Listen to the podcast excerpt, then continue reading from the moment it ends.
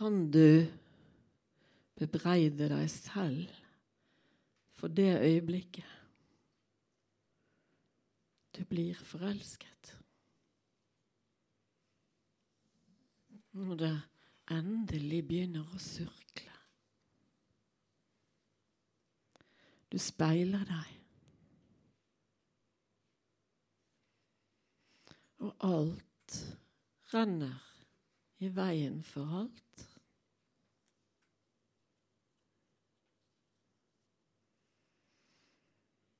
Vippetangen, redningsoperasjonen. Det er et foto av Georg V. Fossum som ble tatt 18.11.1942. Og det har jeg tilegnet Gunvor Hofmor, vår store poet. En. De er kanskje ikke så anonyme som vi gjerne skulle se dem. Den gruppe mennesker som opplevet dampskipet Donau går fra kai den ettermiddagen, ryggvendt fra oss.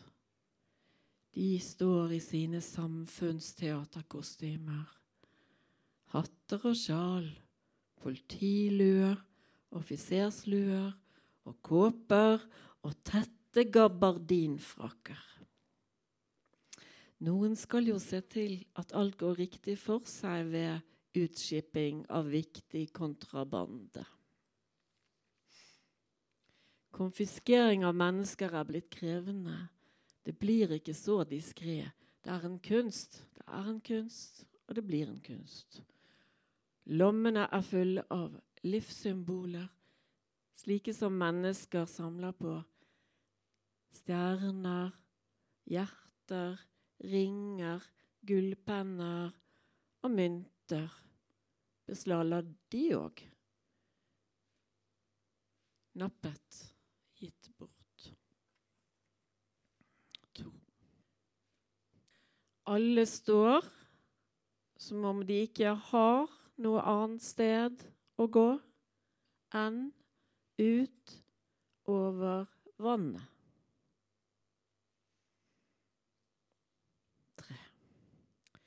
Der står kanskje familien eller en kjæreste og fryser. Jeg har alltid tenkt at kvinnen som står ytterst til høyre, hun i lodenkåpe med heksetuttehette, var Gunvor Hofmo, dikter, og at fotografen slett ikke eksisterer. Det var liksom Gud selv som fulgte med fra festningen.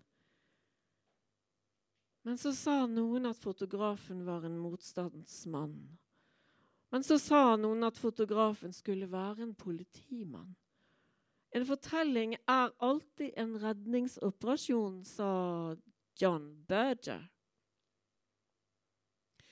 Gunvor gjemte hendene sine dypt i lommen, fant ingen varme, ingen livstegn, ingen redning. Gunvors hjerte var konfiskert, hennes hjerne fettet til av pølseluktfingre. Gunvors kors lå knekket og tomt i et mørkt og øde land. Ingen fortelling kan redde hennes Ruth tilbake. Ingen dikt heller. Fire. Dampskipet Donau, kamuflasjemalt, ligner et verk av brakk.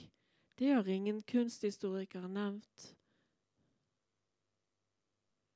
Dampskipet Donau trekker ikke pusten dypt, sukker ikke, dukker ikke under med fylt buk og blir tragisk. Dampskipet Donau letter heller ikke tungt i en sjøsprøyteffekt fra lysende vingeslag og blir opera. Dampskipet Donau går ut med gråt mellom kjente holmer, kjære holmer og kjente skjær. Og akkurat nå, i dette mørket, ser vi ikke hvor vakkert Norge er.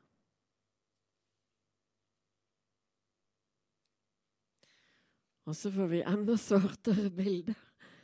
Det er Francisco Goyer hunden 1819 til 1823. Det er et veggmaleri som er blitt overført på lerret. Og det diktet er tilegnet min nabo hund Hassel. Hund. Jeg har tatt en telefon til Shakespeare, og han er helt enig med meg. Du bør ikke bli med inn.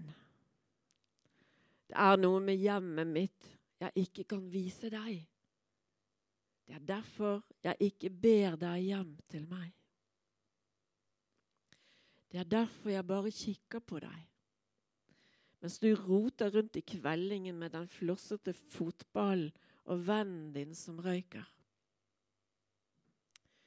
På begge sider av kjøkkendøren har jeg kopiert Goya.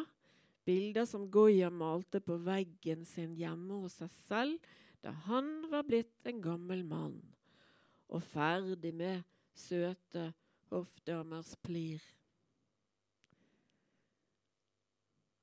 De kalles hans svarte bilder, pinturas negras. Kort sagt, det ene forestiller kvinner som er noen slags hekser eller norner. Det andre er bare en hund. Kanskje en hund i krigstjeneste. Det vil si, eh, vi ser bare hodet på hunden.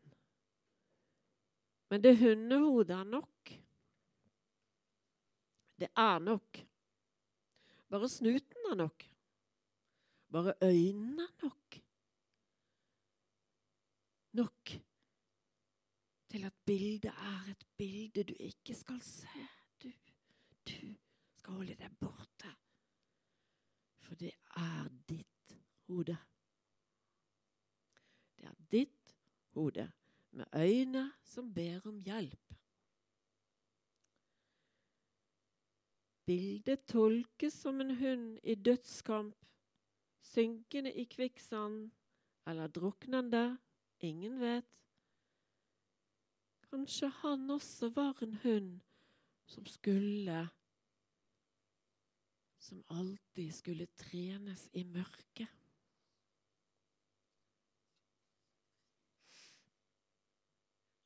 John Donne, en askepreken, eller Timeglasset.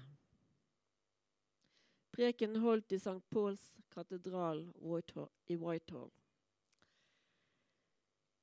Jeg trodde det var Samuel Beckett som stjal fødselsskriket mitt.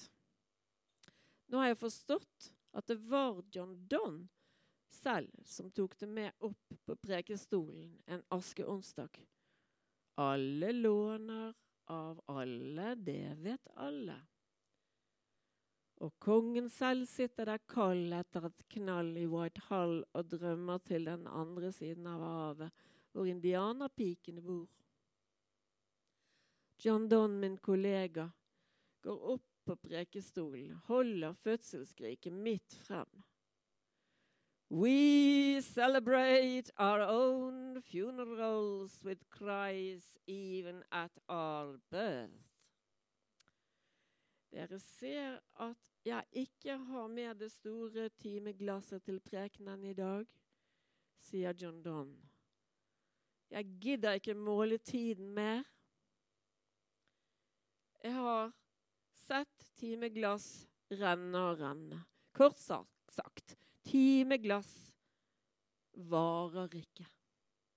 De renner aldri oppover, uansett hvor store de er, hvor perfekt fylte de er, hvor lenge sanden faller, hvor godmodige de er som metaforer.